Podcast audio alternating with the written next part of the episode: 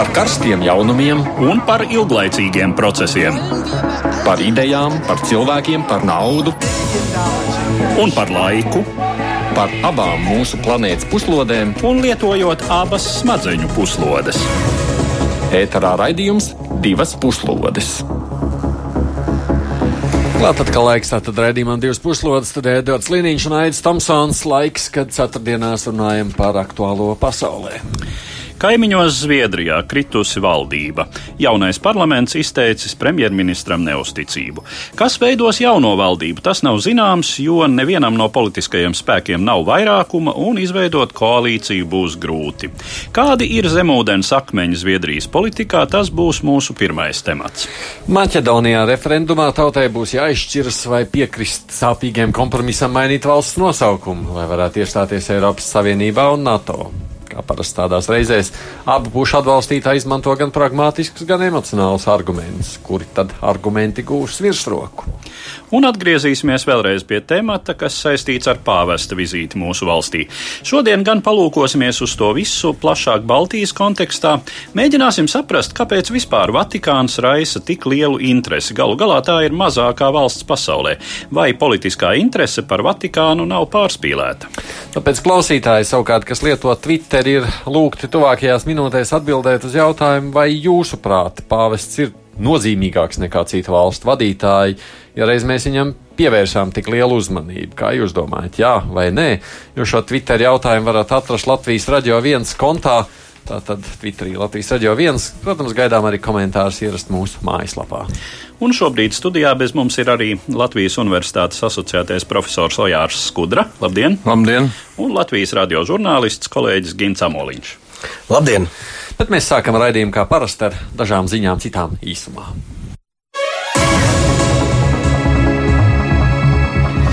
Vācijā šajās dienās arvien aktīvāk runā par Angelas Merkeles politiskās karjeras norietu. Kaut arī viņa līdz šim ir šķitus garants Eiropas Savienības stabilitātei, iekšējās politiskās nesaskaņas pašā Vācijā šo situāciju varētu mainīt. Šodien savu amatu ir zaudējis valdošās koalīcijas Bundestāga frakcijas vadītājs Volkers Kauders. Lai arī Angela Merkel viņu visādi atbalstīja, frakcijas vairākums nolēma viņu noņemt no amata. Kā liekas vācu presse, tas neapšaubām norāda uz Merkeles autoritātes mazināšanos. Opozīcija jau ir aicinājusi sarīkot uzticības balsojumu kanclerei, tomēr pati Merkele pagaidām to kategoriski noraida. Merkeles laikmets tuvojas noslēgumam, tā vēsta laikraksta vilde tīmekļa vietne. Laikraksts norādījis, ka tā bijusi visrūgtākā diena kanclerei un jautā, vai Merkelei izdosies saglabāt kancleru samatu. Attiecības ar Vāciju šajās dienās mēģinās uzlabot Turcijas prezidents Reģeps Taips Erdogans, kurš šodien ir ieradies valsts vizītē Vācijā. Taču gan vizīte Vācijā izpelnīsies ir pretrunīgs vērtējums, un par to ir gaidām protesti. Erdoganam šī būs pirmā vizīte Vācijā kopš stāšanās prezidenta amatā 2014. gadā. Tās galvenais mērķis ir pilnībā atstāt aiz muguras spriedzes periodu. Tā Turcijas medijiem paziņojis ir pats Erdogans, kuram Vācijā plānots ir sarunas ar Vācijas prezidentu Franku Walteru Steinmeieru un arī kancleri Angelu Merkeli. Piektdien Erdogans ir piedalīsies banketā, kur vairāki Vācijas opozīcijas politiķi ir solījuši boikotēt. Arī Merkele šajā banketā nepiedalīšoties. Vizītes laikā tiek plānots arī vairākas demonstrācijas, tostarp protestu pret cilvēktiesību stāvokli Turcijā, preses brīvības ierobežošanu un Turcijas ofensīvu pret kurdu kaujiniekiem Sīrijā. Berlīnē piekdien demonstrācijā plānojot piedalīties aptuveni 10 tūkstoši cilvēku. Žurnālisti noskaidrojuši patieso personību vienam no diviem aizdomās turētajiem, kurus Briti vaino Krievijas dubultspiegas kripaļa saindēšanā.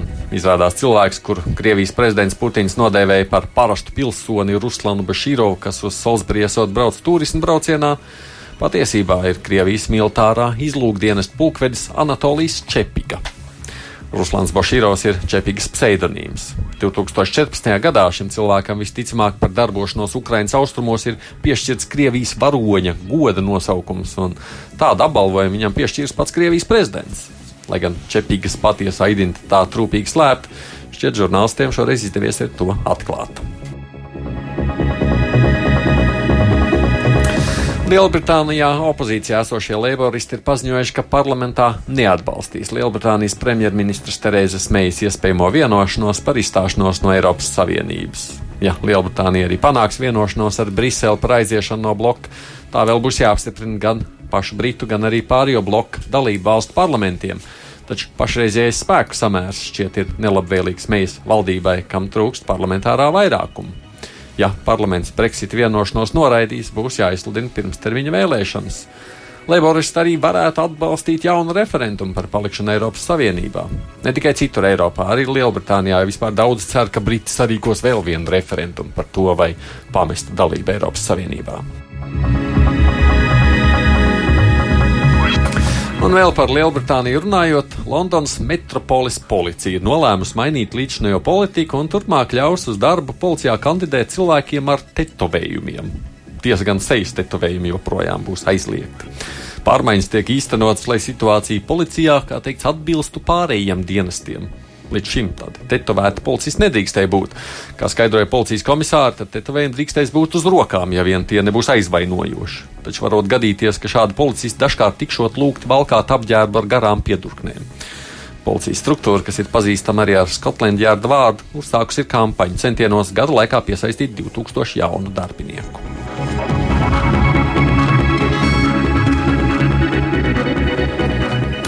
Bet tagad pievēršamies sākumā minētajiem tematiem, un mēs sāksim ar notiekošo mūsu netālajā kaimiņu valstī Zviedrijā. Riksdāga uzticības balsojums 25. septembrī izbeidza premjera Stefana Levēna un viņa sociāldemokrātu un zaļo valdības varas periodu, kas ilga kopš iepriekšējām vēlēšanām 2014. gadā. 9. septembra vēlēšanās tapušais Riksdāga sastāvs izskatās pēc strupceļa parlamenta.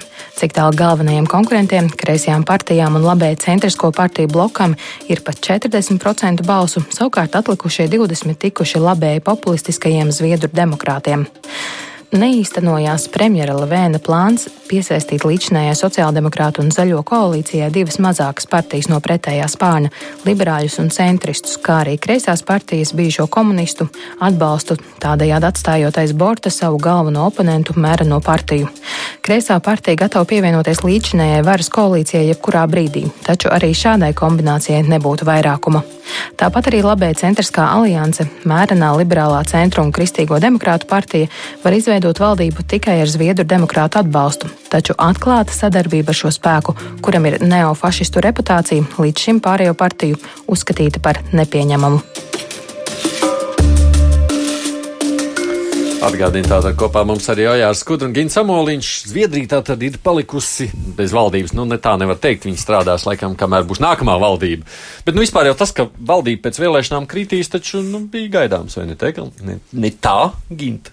Nu, pārsteigums liels katrā ziņā nav, jo pirms vēlēšanām aptaujas liecināja, ka gan centriski labējam, gan centriski kreisajam blokam atbalsts būs diezgan uh, līdzīgs. Un, Tā tas arī ir. Un, gan lai labējie Zviedrijas demokrāti iegūs uh, vēl lielāku atbalstu nekā iepriekšējās vēlēšanās, un līdz ar to mēs esam nonākuši šajā strupceļā. Un, uh, It īpaši situācija sarežģītāk padara tas, ka abiem blokiem ir te vienāds uh, vietu skaits tagad parlamentā, ja nemaldos 144 pret 143. Uh, kreisiem ir par vienu vietu vairāk. Cik viņiem vispār uh, tad ir jāskaita? 349. Oh. Jā, jā. Tā, mūs jau par simts uztrauc, ka par daudz. Nu, labi, jā. uh, līdz ar to, protams, šie bloki centīsies uh, iegūt varu, un tas nav pārsteigums, ka ka, labēji, ka centriski labējie ar moderātiem priekšgalā neatbalstīja Lavēnu šajā uzticības balsojumā. Um, kā tas attīstīsies tālāk, to mēs redzēsim, jo abas, abas puses ir novilkušas dažādas līnijas un solījumus dažādas solījumus izteikušas, nu. un tostarp attiecībā tīpaši uz, te, uz Zviedrijas demokrātiem, uz šo par galēji labējo partiju uzskatīto, ka neviens ar viņu nesadarbosies. Taču tagad tas atklātais jautājums būs, vai Ar tomēr vēl sadarbojas. Vai tomēr, vai tomēr šī politiskā realitāte liks kaut kā neformāli, tomēr kaut kā ja būs mazākuma valdība, kaut kā tomēr gūt kaut kādu atbalstu, lai uh, dabūtu cauri likuma projektus, uh, vai arī tomēr būs šī lielā koalīcija. Palīdziet uzbūvēt Vācijā. mums, lai mēs saprastu to Zviedrijas parlamentu uzbūvi. Koalīcija, koalīcija. Nu, kas nu, tad ir vien, uh, vienkameras parlaments, tāpat kā pie mums, nu, tikai pieminēts daudz vairāk deputātu. Uh, un, jau faktiski 70 gadus apmēram. Uh, nē, faktiski jau no gadsimta sākuma lielās līnijās uh, ir divi dominējošie bloki. Viens bloki, ir tieši bloki. Jā, viens ir sociāldemokrāti. Uh, sociāldemokrāti, kur pēckara periodā, sākot tūlīt no otrā pasaules kara uh, beigām līdz pat uh, 70. gadiem, nemainīgi uh, un uh, monolīti bija vairākumā un veidoja valdības. Uh, absolūts teju vai absolūts rekords uh, visu Eiropas valstu kontekstā. Uh, un otrs bloks ir labēji, liberāli, centrisks, kur tas dominējošais spēks ir tā sauktā moderātu, jeb mēreno partija, bet vairākas citas līdzīgas ievirzes partijas. Uh, Nu, tā tad liberāļi, centristi, kristīgie demokrāti. Visi, uh, bet tātad šie bloki veidojās no vairākām partijām. Jā, bet, jā, viņi, bet, tad, bet katrā vēlēšanas viņi taču neiet kopā. Nē, nē, nē. Te ir tā, ka faktiski jā. katrā no šiem blokiem ir viens dominējošais spēks. Vienā pusē sociāldemokrāti, otrā pusē moderāti. Uh, un Zviedrijā bieži vien viņus tā arī sauc. Tie ir sociāldemokrāti, un tie otri ir moderāti. Jā. Un tās mazās partijas, kas tur arī pievienojas, nu, tas ir tā. Uh, Bet kādi, kas balso par tām mazajām, jau faktiski zina, ka viņi būs tajā blokā iekšā. Nu, nu, droši, nē, droši vien, ka tas arī tā, nav tā dzelžaina, lai gan nu, šī labēji centriskā asociācija, jeb alianses, alianses tā tā tiek dēvēta, nu arī ir stabila, nu jau mm, šķiet vismaz 11 gadus. Tad jā. kreiso veido vairākas partijas. Uh, un kreisajā, kreisajā spārnā tātad mums ir sociāldemokrāti, mums ir zaļie, zaļie. arī jau diezgan tradicionāli uh, sociāldemokrātu sabiedrotie kopš uh, laika, kad vispār zaļie parādījās pagājušā gadsimta 70. gados. Un Tur ir bijušie komunisti, kreisie, tā sauktā kreisā partija, uh, nu, kur gan ir arī uh, daļa no kreisākiem sociāldemokrātiem ar laiku pārgājuši. Nu, un šie, šie kreisie, nu, kas, kas arī vairs sen nav, teiksim, tradicionāli komunisti. Uh, bet, nu, te ir tāda, šķiet, vispār tajā ainā diezgan liela inerce vērojama. Jā, jo es gribēju teikt, tas nozīmē, ka mēs, ja runājam par Zviedriju, tāds, kudrs kungs skatos uz jums, mēs faktiski runājam par kaut kā tādu vēl nu, ierasto seno politiku, sakot, lūk, te ir viens bloks un te ir otrs, un tad tie divi cīņi, nu, tā kā gandrīz vai citur jau sen vairs pasaulē tā nenotiek. Es. Uh, nu, notiek jau, ja tā. Notiek, nav, notiek, nav, jā, jā, notiek. Jā, jā. Uh, es pāris piebildes uh, pie kopainas. Nu, pirmkārt, vēlēšanās piedalījās 84,4% vēlētāji. Oh, kas ir Daudz. uh, sapnis uh, Latvijai nesasniedzams. un arī rekords Zviedrijai. Jā, jā, jā rekords. Uh, vairāk nekā 14. gadā. 14. gadā 83,4%. Balsis zaudēja šajās vēlēšanās, kas ir būtiski no koalīcijas veidošanas viedokļa. Sociāldemokrāti 12 balsis mazāk, uh, zaļajiem, jeb vidas partijai 10 balsis mazāk un moderātiem 14 balsis mazāk nekā iepriekšējās vēlēšanās. Tā tad uh, kreisie iegūta par septiņām balsīm vairāk. Uh, līdz ar to uh, tas papildus to sarežģīto to situāciju. Uh, es atļaušos nocitēt Zviedru radiožurnālistu, jūsu kolēģi Ivaru Ekmanu. Viņš ir uzrakstījis pēc nākamajā dienā pēc vēlēšanām nelielu rakstu amerikāņu žurnālā Foreign Affairs internetu versijā. Strādā Zviedrijas rādio un vada tur sarunu šovu konflikts. Viņš saka, ir trīs varianti. Pirmais variants ir lielā koalīcija pēc Vācijas modeļa. Tātad moderātiem būtu jāmetās kopā ar sociāldemokrātiem, tā vienkāršot mm. izsakoties, pieņemot vēl kādu klāt, jo viņiem pietrūkst um, četras balsis līdz minimālajam vairākumam 175 vienalga. Tātad ir jābūt trešajam vēl koalīcijā. Tālāk, otrs variants ir Dāņa modelis, kad uh, valdībā ņem Zviedru demokrātus. Nu, tos, no kuriem visvairāk tagad? Ja? Nu, formāli, jā, jā. formāli pagaidām.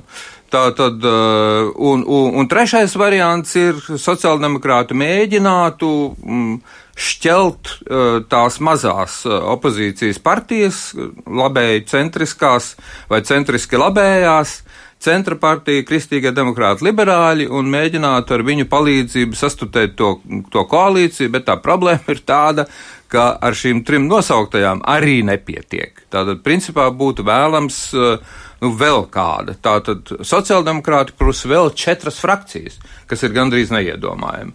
Tā kā paliek vai nu Dāņu variants, vai nu Vācijas lielā koalīcija, vai mazākuma valdība līdz jaunam vēlēšanām. Kas ir tas, kas baida tos? Jā. Kas ir tie spitālīgie, ar kuriem neviens negrib darboties? Jā, nu tā tad ir tā, ka uh, Zviedru demokrātu partijā ir uh, vēl joprojām cilvēki, un ir bijuši cilvēki, kas pagājušā gadsimtā ir bijuši saistīti ar radikāli labējām kustībām, nu tā izskaitā tādām, kuras tiek dēvētas par neofašistiskām.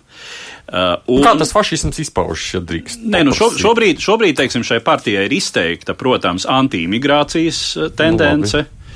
Nu, um, Tur būtu daudz latviešu gatavi iesaistīties šajā partijā. Jā, ne, nu, tas, ko šobrīd teiksim, komentētāji saka par šo partiju, ka tā, protams, nav nekāda klasiskā uh, fašistiskā partija vai neofašistiskā, tā nelīdzinās īpaši vairs eh, Francijas Nacionālajai frontei, Lepēnas partijai. Eh, tā ir krietni moderējusi, kriet, krietni mērenīgojusi savu nostāju, pietuvinoties, eh, jā, labējam, izteikti labējam Eiropas modelim un savukārt valdošās partijas arī ir krietni gājušas pretī tendencei, ka tāda nekontrolēta imigrācija nav labi.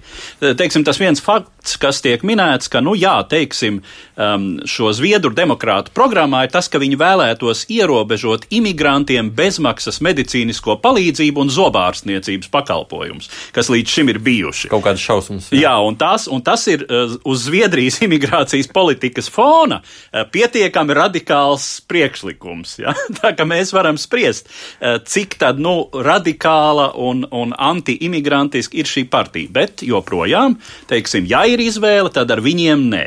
Ah. Ar viņiem nē. Bet, no, ja es drīkst saprast, tad no tāda, pieņemsim, prag, prag, programmātiska viedokļa, pēc idejas, ja viņi saka labējie, tad viņi būtu drīzāk tuvāk tam nu, moderātoru Moderātu, sadaļai, nevis ja nemaldos arī pirmdien, kad uh, vēlēja, liekas, tas ir uh, parlamenta priekšsēdētāju. Ievēlēja no centriski labējās, no moderāta partijas politiķi, un viņu šajā balsojumā atbalstīja arī Zviedrijas demokrāti. Un, manuprāt, arī viņi paši izteikušies, ja viņi ies koalīcijā ar kādu, tad, protams, viņiem tuvāk ir Jā. labējie uzskati. Jā, ja pašā vēl... laikā. Vai viņi būtu gatavi pārdoties jebkuram, taču nē? Um, nu, nē, nu jautājums, kurš būtu gatavs viņus pieņemt? Jā, jā, jā, bet nu, jo tajā jau... pašā laikā centriski labējā koalīcijā, kur ir četras partijas ar moderātiem priekšgalā, Eh, vismaz divas partijas ir pateikušas, ja moderāti iesaistīties jebkādās formālās sarunās ar Zviedrijas demokrātiem, tad viņi ir ārā no. Tad viņi iet pie sociāldemokrātiem ciemos. Nu, kaut kur. Apmēram tā. Nu jā, eh, un eh, vēl tāda nianse, kas varbūt arī ir svarīga. Zviedrijas valdības veidošanas modelis stipri līdzīgs Latvijas modelim, bet ar vienu niansi, ka vairākumam parlamenta nav jānobalso par. Pietiek, ja vairākums parlamenta nenobalso pret. Tīri teorētiski, ja par, teiksim, 40% deputātu nobalso pret, bet pārējie 60 atturās, tad valdība ir, ir apstiprināta, ir izveidota. Tas ļoti parocīgi uh, un uh, stabilām mazākuma valdībām. Tas jo, arī Levēna valdība. Jā, Levēna valdība visus, visus četrus gadus bija mazākuma valdība. Aha. Nu, labi. Vai ir iespējas tā, ka viss šī situācija vispār izjauc lūk, šos divus blokus, un mēs sakām, Zviedrijā šo divu bloku tāda pastāvēšana ir beigusies? Tas man personīgi šķiet ārkārtīgi maz ticams variants. Tāpēc, ka tās, tās vēlēšanas tomēr liecināja par to, ka, ka tie viedokļi vēlētāju vidū tā diferenciācija ir pastiprinājusies, nevis samazinājusies. Tas, ka, teiksim, tie Zviedru demokrāti ir iegūši 13 balsis vairāk nekā 14. gadā, mm, un ka viņiem ir trešā lielākā frakcija, principā manuprāt, še, šā brīža situācijā drīzāk liecina par to, ka, teiksim, labējiem un labēji centriskajiem spēkiem, ka viņiem īsti nav skaidrības, nu, kā tad attīstīt tālāk to Zviedrijas modeli. Uh, un, un kas attiecas uz sociāldemokrātiem, nu, viņi maksā uh, tagad cenu par 2015. gada uh, kļūdaino politiku. Imigrācijas jautājumos, kad Zviedrijā ieceļoja 160 cilvēki, galvenokārt no Sīrijas. Tūkstoši. 160 tūkstoši, jā. 160 tūkstoši, jā, galvenokārt no Sīrijas. Un tajā pat gadā, kad Merkele to pašu kļūdu pieļāva Vācijā, par kur viņa arī tagad maksā. Jā, Zviedrija šķiet ir vai otrā vai trešā pozīcijā Eiropā pēc imigrantu skaita. Vācija ir pirmā un uz, uz attiecīgi vietējo iedzīvotāju skaitu proporcionāli rēķinot. Mm. Te es varētu varbūt piebilst, ka, ja es pareizi saprotu, Zviedrijas demokrātija ieguva cik 19% apmēram balsu. Jā. Un uh, profesors Skudri jau minēja, ka vietas ir zaudējuši gan sociāldemokrāti, gan moderāti par partijā. Un, uh, cik noprotams, tad uh, par Zviedrijas demokrātiem savus balsus sadevuši bijušie gan moderāti, gan sociāldemokrātu vēlētāji. Viena tādēļ, jā, ka, tā sanāk, jā. viena tādēļ, ka nu, šo migrācijas jautājumu dēļ, kas būtu bijuši konservatīvo vēlētāju iepriekš, un no sociāldemokrātiem atkal varētu būt ka viņiem šķiet, varbūt šis Zviedrijas labklājības modelis tomēr, ka daudz ir vīlušies viņā. Jā, īpaši kaut kādos nomaļākos reģionos, varbūt to neizjūt. Tāpēc uh, uzskatu, ka sociāldemokrāti paši kļuvuši par tādiem uh, pārāk. Uh, kungiem. Pārāk kungiem, jā. jā. Arī tas savā ziņā. Bet, nu, ja mēs pabeidzot šo stāstu, nu, kā tad jūsu prognozes tas varētu beigties? Ar jaunām vēlēšanām vai tam ar valdību? Mm, nu, tur nu būtu jāzina vairāk droši vien par zemūdens akmeņiem. Mm. Zviedrijā nu, tas, tas, ko var teikt, tāpat kā Vācijā ir milzīga inerce sadarbībai starp sociāldemokrātiem un kristīgajiem demokrātiem, tātad labēji centrisko. Tikpat tradicionāli iesakņota ir opozīcija Zviedrijā starp sociāldemokrātiem un moderātiem. Uh, vairākas desmitgades ilga. No otras puses, nu jā, nu tas, ka, ko arī uh, vērojot tādu ilgāku laika perspektīvu, šīs frakcijas ir mainījušās pēdējos uh, 40 gadus Zviedrijas uh, priekšgalā. Uh, un no tā valsts politikā uh, ne sociālajā, ne, ne ārpolitikā vēl jau vairāk nekas fundamentāli nav mainījies. Uh, nu, no ārpuses skatoties, Kāpēc nē?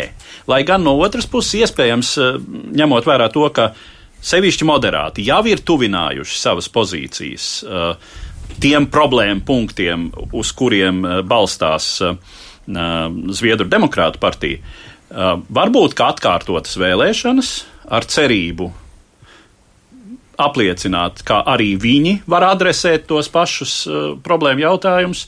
Varbūt, ka atkārtotas vēlēšanas nevienai, ne otrai lielajai frakcijai nešķiet nekas ļoti bīstams. Sliks. Kā jūs šķiet, Kudraškungs, ko tas fiksēs? Uh, es, es domāju, ka mm, uh, samērā ilgi turpināsies tāds politiskās manevrēšanas uh, periods, kad tā um, tā teikt, uzticību negūsi Lavēna valdība, viņa turpinās veikt savus pienākumus un uh, ritēs sarunas, tā skaitā aizkulišu sarunas starp politiskajiem spēkiem. Nu, uh, tas pirmais nopietnais signāls, acīm redzot, varētu būt, ja publiskajā telpā parādīsies ziņas par uh, kontaktiem ar uh, Zviedru demokrātiem. Mm. Labi, turpinām par citu tēmu. Dosimies tagad mazliet tālāk uz dienvidiem, uz Balkāniem, konkrēti Maķedoniju, kur nedēļas nogalē gaidāms tāds referendums vēsturisks.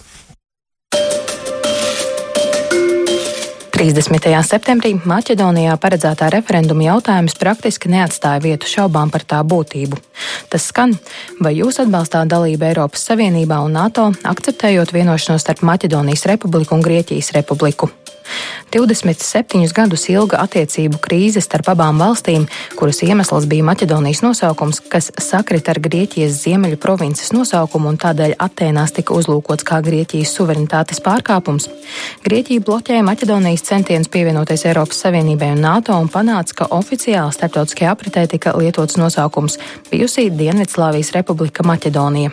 Gal galā šī gada jūnijā Maķedonijas premjerministrs Zorans Zajevs un viņa Grieķijas kolēģis Aleks Cipars vienojās par kompromisu. Maķedonija turpmāk dēvēsies par Ziemeļmaķedonijas republiku, pie tam Grieķija turpmāk neiebildīs pret maķedoniešu valodu kā valsts valodu un to, ka valsts pilsoņus arī turpmāk dēvēs par maķedoniešiem.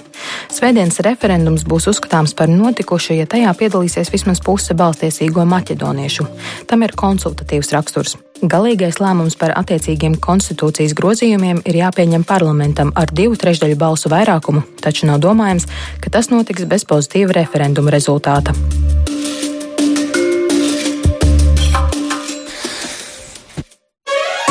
Divas puslodes! Atgādījums šeit studijā Latvijas Universitātes asociētais profesors Šajārs Skudra, Latvijas raidījuma žurnālists Gins Amoliņš, protams, arī mēs ar Eduardu Liniņu. Kāpēc vispār Maķedonija kļuva par Maķedoniju? Kas tur ir tās vēsturiskās saknes? Nu, šī teritorija, tā vai citādi, jau visai sen tiek dēvēta par Maķedoniju. Nu, tas, kas ir Maķedonija geogrāfiski, ir visai izplūdes jēdziens, jo uh, ir, tas ir apzīmējums, kas ir apritē kopš antīkās senatnes. Jā. Mēs visi atceramies Maķedonijas Aleksandru. Aleksandru un kā šādos gadījumos, nu tāpat kā ar to Romu, ja kura tad pirmā, otrā, un, un trešā. Ja? Maķedonijas Aleksandra ar Grieķiju. Uh, jā, nu, protams, jā, kas arī jā, ir pamatoti, jo jā. maķedonieši Aleksandra laikā runāja uh, Grieķis. tādā vai citādā grieķu valodas jā. paveidā. Uh, savukārt tie maķedonieši, kas šobrīd ir Maķedonijas pilsoņi, uh, ir veidojušies nu, arī ilgstošā vēstures procesā, bet pamatā jau no jaunāku laiku ienācējiem, un tā ir viena no dienvidu slāvu valodām.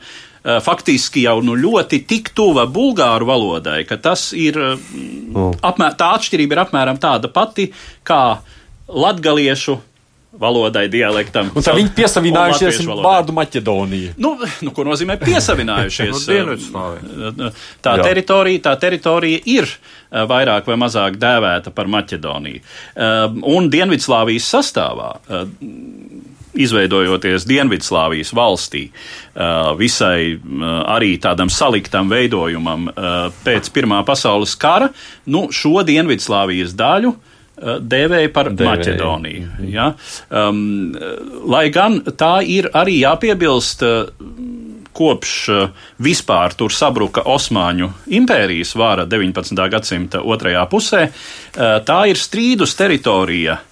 Lūk, šīs etniskās ciešās saiknes ar Bulgāriju, savukārt vēsturiski ciešākas saiknes ar Serbiju, kas ir ziemeļos. Un, Um, un, protams, jā, Grieķijas, Grieķijas pretenzijas, jo jā, Grieķijas sastāvā arī ir plaša teritorija, kas saucas par Maķedoniju. Maķedoniju. Tur arī dzīvo cilvēki, kas runā uh, teiksim, šai slāvu maķedoniešu valodā, uh, bet tur dzīvo grieķiski runājoši lielākoties iedzīvotāji, kuri sevi sauc par maķedoniešiem, no. apmēram tāpat kā kurzemnieki sevi sauc par Briesmīgi ir, kad, kad, kad vienu vārdu grib vairāk uzreiz nu, lietot. No, traki ar tiem senajiem apzīmējumiem.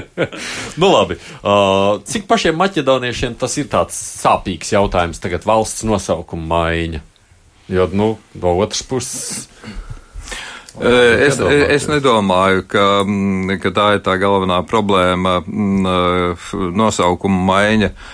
Te ir cits jautājums, jo mm, cīņu par ietekmi Balkānos ved vesels gandrīz vai lērums lielu valstu, tātad bez Krievijas un Turcijas, arī Itālija, Francija un Vācija. Eh, Vācija ir ļoti aktīva, Merkele tā skaitā. Eh, kā zināms, Serbijas prezidents eh, nesen bija arī vizītē Vācijā. Mm, jautājums no, no Krievijas pozīcijām un daļai arī no Turcijas pozīcijām. Tas, tas referenduma jautājums ir, protams, saistīts ar iestāšanos Eiropas Savienībā, bet galvenokārt ar iestāšanos NATO jo, jo Krievija kategoriski mēģina pretoties uh, tālākai NATO paplašināšanai. Un maķedoniešu nostāja pret Krieviju ir skeptiska? Uh, un maķedoniešu uh, nostāju Krievija cenšas ietekmēt. Ir, ir publikācijas par to, ka tas notiek jau kopš 2008. gada ar vienu mērķi - nepieļaut Maķedonijas iestāšanos uh, NATO.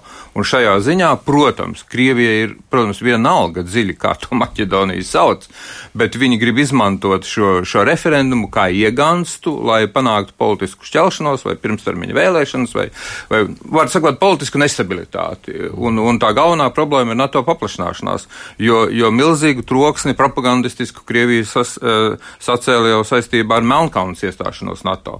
Un, un tagad uh, Maķedonija nu, tad, tādā gadījumā Balkānos veidojas vienota NATO telpa jo Albānija jau uh, ir NATO dalībvalsts. Tavuprāt, Ginta stāsta par maķedoniešu noskaņojumu, nu, kā tam mēs viņu varam dēvēt? Kas viņus vairāk uztrauc Grieķi, Krievi, Turki vai Vācieši? Nu, gan ir grūts jautājums. Droši vien jājautā, ko viņi vairāk grib. Tam jau arī ir primāri nozīme. Jā, jā. Uz kuru pusi, uz austrumiem vai rietumiem viņi Aizvelk, vairāk vai grib ne? droši Tas vien. nozīmē, tā izpratne Um, tā, ja uz Krieviju, tad tas ir uz austrumiem. Jā. Nu, tas to- nozīmētu nu, neiestāšanos NATO. Jā. Um, Katrā ziņā, cik saprotu, pēc aptaujām, ka lielākā daļa tomēr vēlētos uh, atbildēt jā uz šo jautājumu par to, vai jūs gribat iestāties NATO un Eiropas Savienībā, akceptējot šo Bet jauno Dēļ nosaukumu. Krievijas? Um, es domāju, ka daļai, ka lielā mērā tas ir uh, vairāk arī stabilitātes un miera jautājums. Vienkārši. 30 gadus gandrīz jau ir bijis. Skatoties, kas visi viņu, viņu ap par Jā, viņu 30 gadus ir interesējās. jā, kā kašķēšanās ar 40. Grieķiju. Grieķija Jā. ir visu laiku bloķējusi gan Eiropas Savienību, gan NATO. Es pieņemu, ka vienkāršajam Maķedonijas iedzīvotājam es pieņemu, ka tā NATO jā. Uh, bet uh, Eiropas Savienība varētu būt pievilcīgāka, kā, nu, tāpēc, ka viņš redz Eiropas Savienību Jā. kā šo te turīgo telpu, Nu, ja, kurai mēs zinām, pievienojoties. ja mēs zinām, kas vispār ir bijusi Dienvidslāvija un ka šī pārdesmit gadu nestabilitātes pieredze ar mm -hmm. Asiņainiem un, un, nu, jāsaka, šausminošiem mūslaiku Eiropā konfliktiem. Uh, par laimi, teiksim, Maķedonijai tie Maķedonijai gāja vairāk vai mazāk secen, jā, bet, nu, teiksim, Kosovas konflikts to ietekmēja diezgan izteikti. Bija, bija liela bēgļu plūsma no Kosovas, un, un tā kā Maķedonijā dzīvo vietējā albāņu minoritāte, tad, tad tas Maķedoniju diezgan būtiski destabilizēja. Nu, kas attiecas uz Krieviju, jā, un, un šeit ir nu senā tradīcija, vai ne, vēl kopš Krievijas impērijas laikiem stīvēties par ietekmi Balkānos, kam eh, Krievijas kontekstā varbūt pat ir ne tik daudz eh, starptautiska, militāri strateģiska nozīme, bet arī iekšpolitiska nozīme. Nu, tas ir tātad mēs turām savas pozīcijas, kas, kas mums ir kopš teju vai uh, kurš tur kņass iekāra savu vairogu Cargradas vārtos. Ja? Mēs pirms šeit raidījumā sazvanījāmies Maķedonijai. Mūsu kolēģis Latvijas radio ziņdienas korespondents Arcims Konahovs pa Skype sazinājāmies jautājumu, nu kāds tad viņš jūt, kāds tur ir noskaņojums pašā valstī. Sabiedrība ir ļoti dalīta. Nevarētu teikt, ka cilvēkiem būtu pārliecinošs atbalsts vai pār, pārliecinoši vēlētos noraidīt šo vienošanos. Tie skaitļi ir ļoti, ļoti tuvu, kas, kas parādās sabiedrisko pētījumu aptaujas datos, kuri vēlas nākt ā, uz referendumu, viņi pārliecinoši visu balsos par. Un tie, kuri nevēlas, ā, viņi pārsvarā paliks mājās un tikai neliela politiķu daļa ā, aicina nepiedalīties, vai precīzāk sakot, piedalīties un balsot pret. Vairums tomēr aicina palikt mājās un ignorēt šo referendumu, jo tam ir nepieciešams, lai vismaz pusi no reģistrētiem vēlētājiem atnāktu, lai tas tiktu uzskatīts par notikušo. Un, ā, no vienas puses ā, cilvēkiem, protams, ā, ir ieinteresēti un grib kļūt par attīstītu, pārtikušu valsti un vēlas, lai valstī būtu mazāk korupcijas, lai būtu vairāk darba vietu, lai jauniešiem nav jābrauc prom, lai izglītotiem cilvēkiem nav jāpamet šī valsts un jādodas darba meklējumos kaut kur citur. Bet nu, no otras puses viņi arī netic politiķiem, viņi netic politiķu solījumiem Un jautājums arī par nosaukumu maiņu ir visnotaļ emocionāls. Un daudz uzskata, ka Viņa kaut kā tomēr var uh, kļūt par pārtikušu valsti, arī nemainot nosaukumu, un ka ir jāmeklē kaut kādi citi ceļi. Un, uh, vai arī tā ir vienkārši tāda, kas arī šeit ir ļoti izplatīts, neusticība politiķiem, netic, neticība, ka kaut kas paliks labāks uh, referenduma. Kritiķi aicina cilvēkus nepiedalīties, lai nesasniegtu šo slieksni. Kas notiks, ja nu, neaizies šī puse balstiesīgo? Šis ir konsultatīvais referendums, un tas nozīmē, ka tā rezultāta nav saistoša valdībai. Un valdība, ja vēlas, viņa var uh, tik un tā virzīties uz priekšu. Un uh, viens no argumentiem, ko viņa var izmantot, ir tas, ka ārzemēs dzīvo pietiekami liela maķedoniešu diaspora, un šiem cilvēkiem nevienmēr ir viegli nokļūt balsot. Faktiski šis te, viņi var pateikt, ka redziet, nu, tāpat ir atnācis pietiekami daudz cilvēku, bet tomēr redzams, ka, pieņemsim, pārliecinošais vairākums ir gatavi atbalstīt šo ideju par vienošanos ar Grieķiju, par nosaukumu maiņu, par dalību NATO un Eiropas Savienībā. Un parlamentam tik un tā būs jābalso par konstitūcijas grozījumiem, un tas būs jādara neatkarīgi no referenduma. Un vienkārši, ja referendumā būs atbalsts, ja tas tiks uzskatīts par notikušo, tad politiķiem parlamentā būs vieglāk izdarīt šos grozījumus konstitūcijā. Un pēc tam pēdējais solis būs balsojums Grieķijas parlamentā. Tārcis Kanahaus no Maķedonijas. Kā jums šķiet, kā tas varētu nezinu, attīstīties, beigties? Uh, tas, tas tomēr ļoti lielā mērā būs atkarīgs no balsojuma rezultāta. Nu, ja būs tas prognozētais balsojums ar kājām, un, un līdz ar to nu, tā, tā dalība tomēr sasniegs tos 50%.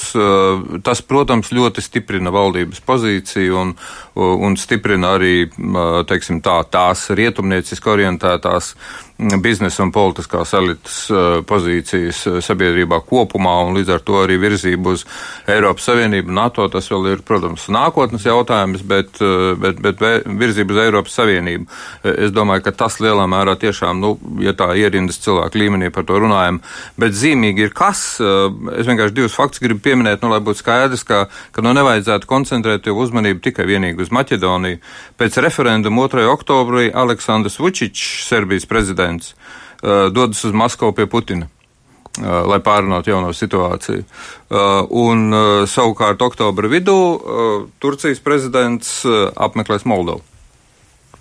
Šo pēdējo man palīdziet saprast, kāda tur ir. Uh, tas ir jautājums par to, ka Turcija nu, nedomā, nu, to lielā mērā parādīs vizīte, protams, Vācijā. Uh, Turcija nedomā samierināties ar Krievijas jaunākā partnera lomu tuvajos austrumos mm. un, un Balkānos.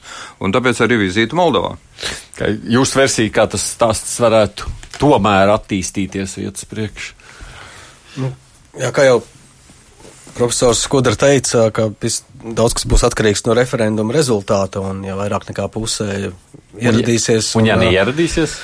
Um, nu tad valdībai Maķedonijas būs jālemj, jo Es tiešām nezinu, nu, kāds, tas tas jautājums, cik, kas varētu notikt tādā. Tātad, tātad parlamentam pie tam, tā kā tie ir konstitūcijas grozījumi, jā. jānobalso ar divām, divām trešdaļām. Pie negatīva referenduma rezultāta, Divas kā mēs, mēs zinām, cik deputāti kļūst uzmanīgi un tramīgi, ja, ja ir mm -hmm. kaut kas tāds.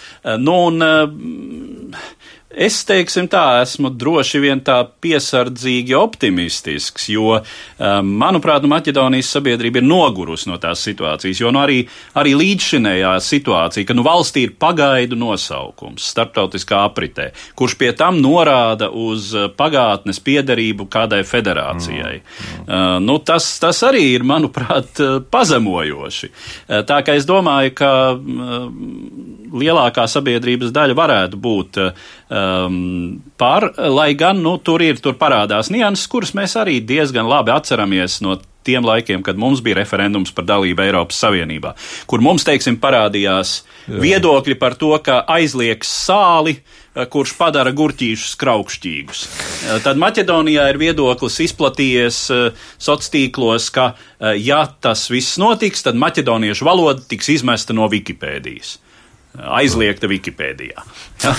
nu jā, tā jau varētu būt. Es nebrīnītos, ka tur vis visādi argumenti iet uz vienu vai uz otru pusi. Mums ir vēl viens temats, tāpēc atgriežamies visbeidzot pie šīs nedēļas aktualitātes pāvesta vizītes Baltijā. Tikai nu, par pašu vizīti varbūt ne tik daudz. Vispār palūkosimies arī vispirms uz Vatikānu kopumā. 1870. gada 20. septembrī Itālijas karalistes karaspēks ieņēma Romu, kas līdz tam vairāk nekā tūkstoš gadus bija bijusi pāvesta valsts galvaspilsēta. Pāvests Pīs IX noraidīja jebkādus karaļa Viktora Emanuela I un Itālijas parlamenta mēģinājumus panākt izlīgumu, izslēdz karali no katoļu baznīcas un izolēja savā galvenajā rezidencē Vatikānā. Nākamos 59 gadus turpinājās de jure nenoregulēta situācija Itālijas valstī, de facto respektējot Vatikāna eksteritoriālo statusu un arī pārējām pasaules valstīm turpinot uzturēt ar svēto krēslu pilnvērtīgas diplomātiskās attiecības. Noregulējums notika vien 1929. gadā, noslēdzot Laterāna vienošanās, kurās Itālija atzina Vatikānu par suverēnu valstu un abas puses sakārtoja starpvalstu attiecības. Vatikāna pamatlikuma pirmais pants nosaka, augstākajam pontifikam Vatikāna pilsētvalsts suverēnam pieder visa likumdošanas, izpildu un tiesu vara. Tātad no politiskās iekārtas viedokļa Vatikāns ir absolūta monarhija ar vēlētu monarhu. Pāvesta likumdošanas funkcijas ir deleģētas Vatikāna pilsētvalsts pontifikālajai komisijai septiņu kardinālu sastāvā, kuras priekšsēdētājs ir arī Vatikāna pārvaldes vadītājs. Šo ietekmīgo amatu kopš 2011. gada oktobra pilda kardināls Džezupe Betello. Vatikāna valsti bieži vien identificē ar svēto krēslu, taču startautiski tiesiski tie ir divi atsevišķi subjekti. Vatikāna pilsētvalsts darbojas tādās starptautiskajās organizācijās kā Interpols, Vispasaules pasta savienība, Pasaules intelektuālā īpašuma organizācija un vairākās citās. Vatikāna monetārais līgums ar Eiropas Savienību ļauj pilsētvalstī kalt savas eiro monētas. Savukārt svētā krēsla ārpolitisko darbību, kas nav atraujama no globālās Romas katoļu baznīcas pārvaldības, pāvesta īstenot caur Romas kūrijas struktūrām. Svētā krēsla diplomātiskā darbība balstīta senās tradīcijās. Ališ bijusi aktīva, bet jo sevišķi izvērsta laikā pēc otrā pasaules kara. Šobrīd svētiem krēslam ir diplomātiskās attiecības ar vairumu pasaules valstu, ar daudzām to saista īpaša līgumi konkordāti. ANO tam ir novērotāja status, ko no pilnvērtīgas dalībvalsts status atšķir tikai balstiesību trūkums ANO ģenerālajā asamblējā. Nekādu starpvalstu attiecību svētajam krēslam nav tikai ar četrām valstīm. Indijas okeāna salu valstiņu Maldīvu republiku, Butānas karalisti Himalajos, kā arī Ķīnas Tautas republiku un Korejas Tautas Demokrātisko republiku. Oficiāls attiecības savulaik nepastāvēja arī ar Padomju Savienību, tās tika iedibinātas nepilnu gadu pirms PSRS sabrukuma bet pilnvērtīgas diplomātiskās attiecības ar Krieviju pastāv tikai kopš 2009. gada. Var piebilst, ka Svētais krēsls strikti sako savas suverenitātes ievērošanai Itālijas starptautisko attiecību kontekstā. Tā 2006. gadā attiecību krīzi starp Svēto krēslu un Lielbritāniju izraisīja Britu ārlietu resoru mēģinājums izvietot vēstniecības Itālijā un pie Svētā krēsla vienā un tajā pašā adresē Romā. Izskaidrojiet vispār, kāpēc valstīm ir tik liela interese uzturēt tās attiecības ar Vatikānu, jo gal galā mēs taču pareti kuram valsts vadītājiem pievēršam tādu uzmanību kā pāvestam, vai neskudrškungs? Nu, kāpēc tā? Nē, nu tam es galīgi nevaru No, piekrist. Merkelē vēl jā. Ne Uh, tikai, es domāju, Trumpam arī. Trumpam un Putinam uh, un, un Ķīnas līderim. Vēl uh, Tur ir apjoms liels. Bez, bez jebkādām Bet tad, ja brauktu Norvēģijas vai Dānijas, kas ir daudz lielāka par Vatikānu, mēs taču nepievērstos tā. Tas taisnība. Um, nē, nu, uh, jāteic tā, es um, nepiekrītu tam optimismam, kas te mūsu mēdījos ir izskanējis sakarā ar pāvestu Francisku vizīti. Um, starptautiskie mēdīji par spīti tai žurnālistu delegācijai varbūt pēc tam parādīsies kaut kāda analītiska materiāla, bet, nu, es sakoju līdz Vācijas mēdījiem, tie vispār nepieminēja pāvestu ierašanos. Uh, Vienīgi ieminējās pirmajā dienā par Lietuvu, un pēc tam bija pilnīgs klusums. Tā kā, var sakot, nu, mums liekas vairāk nekā patiesībā ir. Tas, tas Mēs gribam. no publicitātes. uh, Nē, nu, mm, protams, uh, vēl jau vairāk uh, simtgadus uh, gadā nu, šaubu nav ne mazāko. Bet, uh, kas attiec uz Vatikāna ietekmi, mm, tā tomēr lielā mērā ir atkarīga no pāvesta personības. Un, un, un teiksim, nu, Jānis Pāvils II daudz darīja, lai postpadomi telpā veidotos rietumu ietekme. Tātad, kas attiec uz, uz pāvestu Francisku, man liekas, viņu interesē šī, šī Eiropas daļa, kur atrodas Baltijas valstis un, un Austrum Eiropa lielā mērā, lai uh, nu, mēģinātu, izmantojot savus līdzekļus, uzņemties kaut kādas starpnieka misijas. Tā ir viena lieta. Tāpēc, manuprāt, arī ļoti lielais akcents uz ekumēnismu, uh, it īpaši attiecībā uz uh, Latviju, mazākā mērā uz Igauniju, jo tur to katoļu praktiski nav. Tā tad, kas, kas attiec uz, uz Vatikāna lomu, tad šobrīd man personīgi šķiet ir ir divi aspekti. Nu, viens ir Vatikāna iekšējās dzīves aspekts, kas nav saistīts ar Vatikāna valsti, bet ir saistīts ar Katoļu baznīcu. Mm, es esmu dzirdējis tādus komentārus, tiesa gan jāteic uh, Krievijas opozicionāru uh, kanālā Dožģi, uh, ka iespējams Francisks vēlētos savas valdīšanas laikā panākt celibātu atcelšanu. Un uz to norāda it kā nu, viņam tiek pierakstīts, ka, ka viņš neiebilstu, ja pareizticīgo mācītāji, kas pāriet katolicismā, saglabā Jā. savu laulību. Nu, ja tas tiešām tā ir, tad, tad taisnība ir Deutsche komentētājiem Belkovskim, ka Francisks lēnām gatavo celibāta pakāpenisku atcelšanu, kas, protams, izraisīs ir milzīgu pretestību katoļu baznīcas konservatīvajās aprindās. Tas ir viens aspekts, un otrs aspekts, kam es pievērstu uzmanību, mm, tas ir tas, tas teiksim, taustīšanās ar Ķīnas Tautas Republiku, par ko liecina tas, ka Vatikāns ir piekritis Ķīnas ordinētajiem bīskapiem atzīt tos, tātad, kur vidū bija arī daži tā kā opozicionāri, un, un tas varētu liecināt par to, ka pāvests vēlētos kaut kad apmeklēt Ķīnas Tautas Republiku. Iespējams. Mēs klausījām arī jautājumu tiem, kas Twitter lieto, lai viņi pajautā, vai viņu prātā, no. Pāvests ir nozīmīgāks nekā citu valstu vadītāji vai nē? Nu, ne, pat neuzgaidot, bet vai vispār viņš ir nozīmīgāks? Nu, tad divas trešdaļas saka, ka nē viena trešdaļa domā, ka jā, mums te ir šādi tādi komentāri, jā, mums te Jānis saka tā, pāvis nozīme absolūti nav uzskatām augstāk par Latvijas prezidentu. Nekad nav skaidrs, kurš palika veselāks vai kas mainījās Baltijas valsts iedzīvotāju dzīvē. Vēl vairāk nokaitnē to, ka pareizticīgiem nevar iedot brīvdienu, bet lūk, pāvis apmeklējuma laikā priecājies, ka nekas nav ko darīt. Nu, Jā. Kā tur arī nebūtu tas noskaņojums šādā veidā ir. Tu, starp citu, Gint, braukāji savukārt līdzi visā tajā garajā ceļā. Nu, kā tu salūdzi, salīdzināt uzņemšanu, to gaisotni? Lietuva, Latvija, Igaunija. Protams, ka Lietuvā, kas eh, oficiāli, kur oficiāli ir 80% skaitās katoļi, tā uzņemšana bija visvērienīgākā no visām Baltijas valstīm. Tur arī pāvests pavadīja divas dienas, nedēļas nogalas, sestdienas, svētdienu, īpaši svētdienu, kad ir svētdienas dievkalpojumi. Un, un arī pasākumi, kas tika rīkoti viņa vizītes laikā, tajā pašā Viļņā.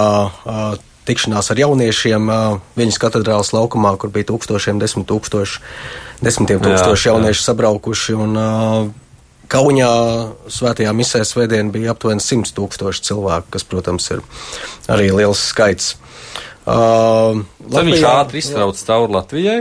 Uh, Latvijā tāpat kā Igaunijā bija viena diena. Bet nakšņoja uh, viņš Igaunijā. Ja? Nakšņoja viņš uh, Viļņā. visas dienas Viļņā. Viļņā, ā, viņš aizlidoja uz Viļņu, pēc tam atpakaļ. Pēc Aglonas viņš devās uz Lietuvas, Viļņu un tad uz Tallinu no Viļņas. Uh, Latvijā domāju, ka tā galvenais notikums tomēr bija Aglona un uh, Rīgā droši vien patraucēja laika apstākļi, kas uh, mums te bija un, protams, ņemot vērā, ka uh, Mums ir tikai 20% katoļu laikam skaitās no iedzīvotāju skaita oficiāli, un es domāju, ka liela daļa no viņiem jau bija aizbraukuši uz Aglonu.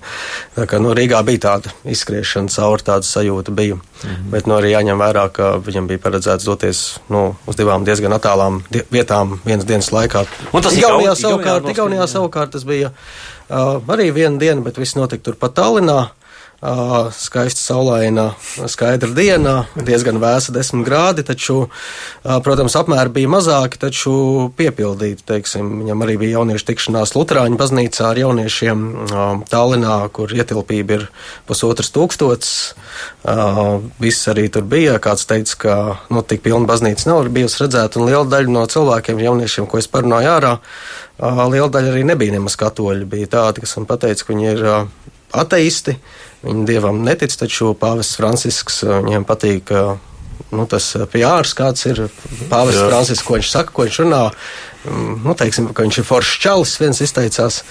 Un, un tā, un sabrauc arī daudz no, teiksim, Somijas, citām valstīm, un tajā pašā brīvības laukumā bija desmit tūkstoši cilvēku svētajā misē, kas piedalījās, kas arī bija maksimālais Jā. Tas skaits, nu, pašā Igaunijā katoļu skaits ir aptuveni 6000. Nu jā, mēs jau ja pusprocents. Ar Eduardu visas tās dienas garumā pārunājām visu to, ka tur ir ļoti maz. Es vēl aizdomājos. Es tev interese arī Igaunijā jā. bija, tāpēc, ka Cilvēki, tāpēc viņš ar jauniešiem tikās tur tas pedofīlijas jautājums arī parādījās. To viņš arī pats no vietiņā, jā. tieši Igaunijā viņš viņu aktualizēja jā, jā. pats. Jā. To viņš pats arī aktualizēja ar jauniešiem tajā tikšanās laikā. Jā. Bet, jā, bet viņi minēja, ka, ka viņi, arī viņi nav katoļi, netic dievam, tad tomēr viņi uzskata, ka pāvests ir svarīga persona pasaulē, un īpaši nu, pāvests Francisks, kāds ir kā viņš kā personība. Kāds secinājums, ja, tad, ja man vajag kopsavilkumu savilkt, man ir divas minūtes, ko es lai pasaku par pāvesta vizīti Baltijā, nozīmīgumu Vatikānu vispār, jo, nu, kā jūs man liktu salikt punktu zīmi? Es izdalītu divus punktus. Pirmais punkts ir pāvests kā persona, kas noteikti ir saistāma ar personības un cilvēka brīvas izvēles uh, ideālu un brīvības ideālu. Vatikāns tomēr bija viena no pirmajām valstīm, kas atzina Latvijas neatkarību, neatkarības atjaunošanu, pareizāk sakot.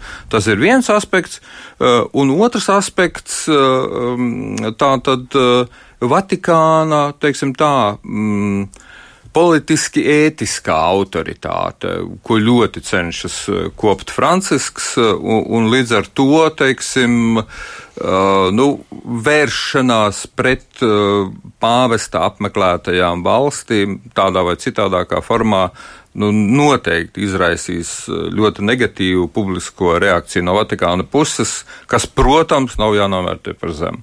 Mm. Es atgādinātu to faktu, ka pāvesta institūcija ir vienīgā, kas mūs tieši saista ar antīko senatni, ar Romas impēriju. Tā ir bijusi ļoti nozīmīga Eiropas identitātes daļa un Eiropas identitāti veidojoša daļa cauri, jāsaka, gadu tūkstošiem.